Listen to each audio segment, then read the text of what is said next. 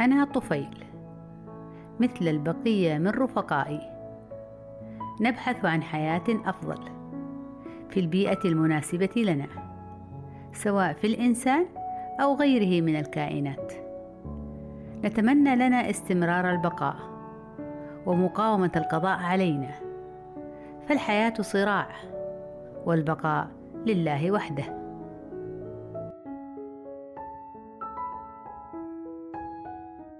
تجاذبتني تقلبات الحياة وأنا في أحشاء ذلك البرغوث الذي يتخذ من الماء العذب له ملاذ من ظروف الحياة القاسية يتلذذ في انسيابه ويرتاح في عذوبته ويبتلعنا بكل حب حينما تطرحنا والدتنا الحبيبة القابعة تحت جلد ذلك المزارع المسكين الذي يعاني شظف العيش فلا بيت صحي يأويه ولا مال يكفيه ولا كساء يحميه ولا غذاء يسد جوعه ولا ماء نظيف يروي عطشه.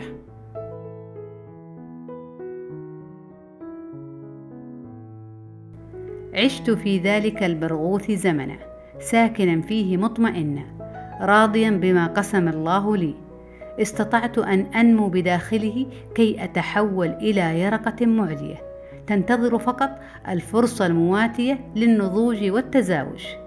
إذا ما نجحت في الوصول إلى مكانها المفضل.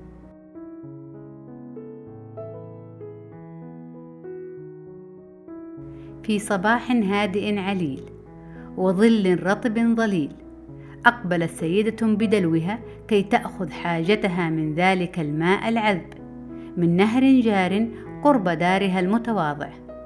ولقد كان البرغوث عائلنا المسكين يحاول أن ينجو بنفسه من ذلك الدلو ولكن باءت محاولاته بالفشل. فقد نزل ونحن في جوفه في قاع دلو الماء الذي ملأته السيده بسرعة مدهشة واخذت تمشي الهوينة عائدة إلى منزلها وعند وصولها للدار شربت شربة هنيئة مريئة من ماء الدلو.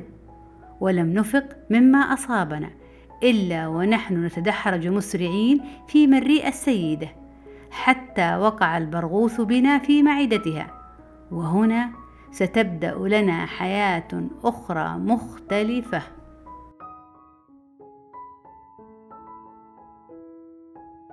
لم أكن لوحدي في ذلك البرغوث بل كان جوفه ممتلئ بنا نحن اليرقات اليافعات. والذي تم سحقه بسهولة عجيبة في معدة السيدة بفعل عصارات معدتها الهاضمة. ونحن ولله الحمد لم نصب بأذى فقد خرجنا سالمين ولمكان آخر باحثين حيث اخترقنا أنسجة الأمعاء لتلك القروية غير مكترثين بما تعانيه من مغص وتقلصات متناسين تماما لآلامها وآهاتها. عبرنا داخل أنسجتها. واكتمل نضوجنا. لم نكتفي بذلك بل تزاوجنا كي ننجب ذرية تحافظ على نسلنا.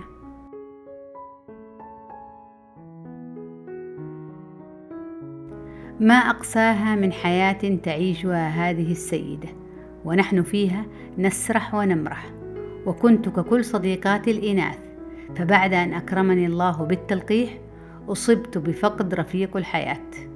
حيث مات مباشرة بعد التزاوج أمام ناظري وأنا قلبي يقطر دما لفراقه فلا طعم للحياة بدونه ولكني استجمعت قواي لعلمي بما سيؤول إليه مصيري وتذكرت ما كنت أردده دائما لرفيق دربي وهو لسان حالي الآن الضعف رجل, الضعف رجل والقوة, والقوة أنثى, أنثى.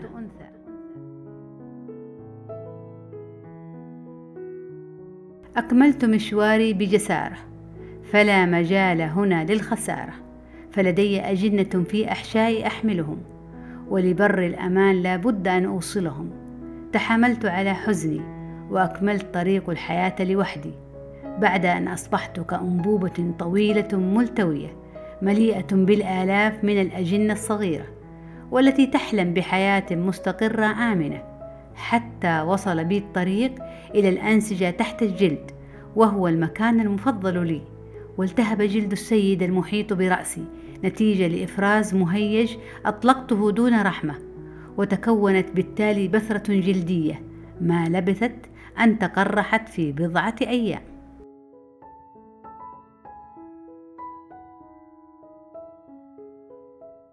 لقد لاحظت أن السيدة تشبهني تماما.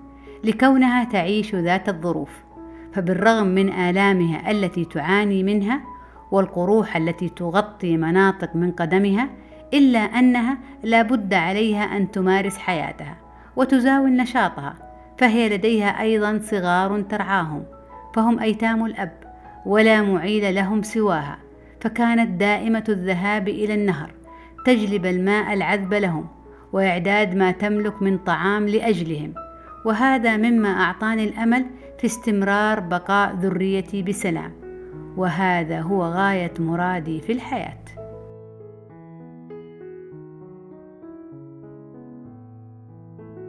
كان من عادة السيدة في كل مرة تذهب فيها لماء النهر أن تسير بقدميها فيه وتبلل جروحها داخله فتتعرض قروحها الجلدية للبلل لذا فإني أقوم شاكرة لها بإخراج رأسي من البثرة الجلدية وإطلاق أجنتي في الماء.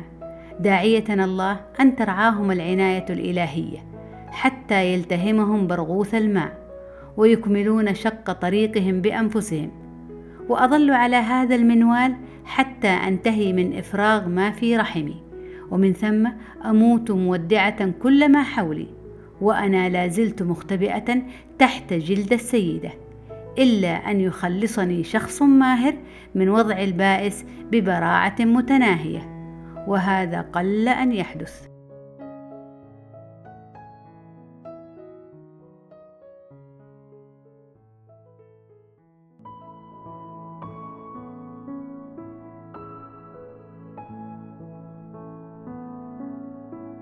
سمعتم الحكاية وعرفتم الرواية وكانت النهاية.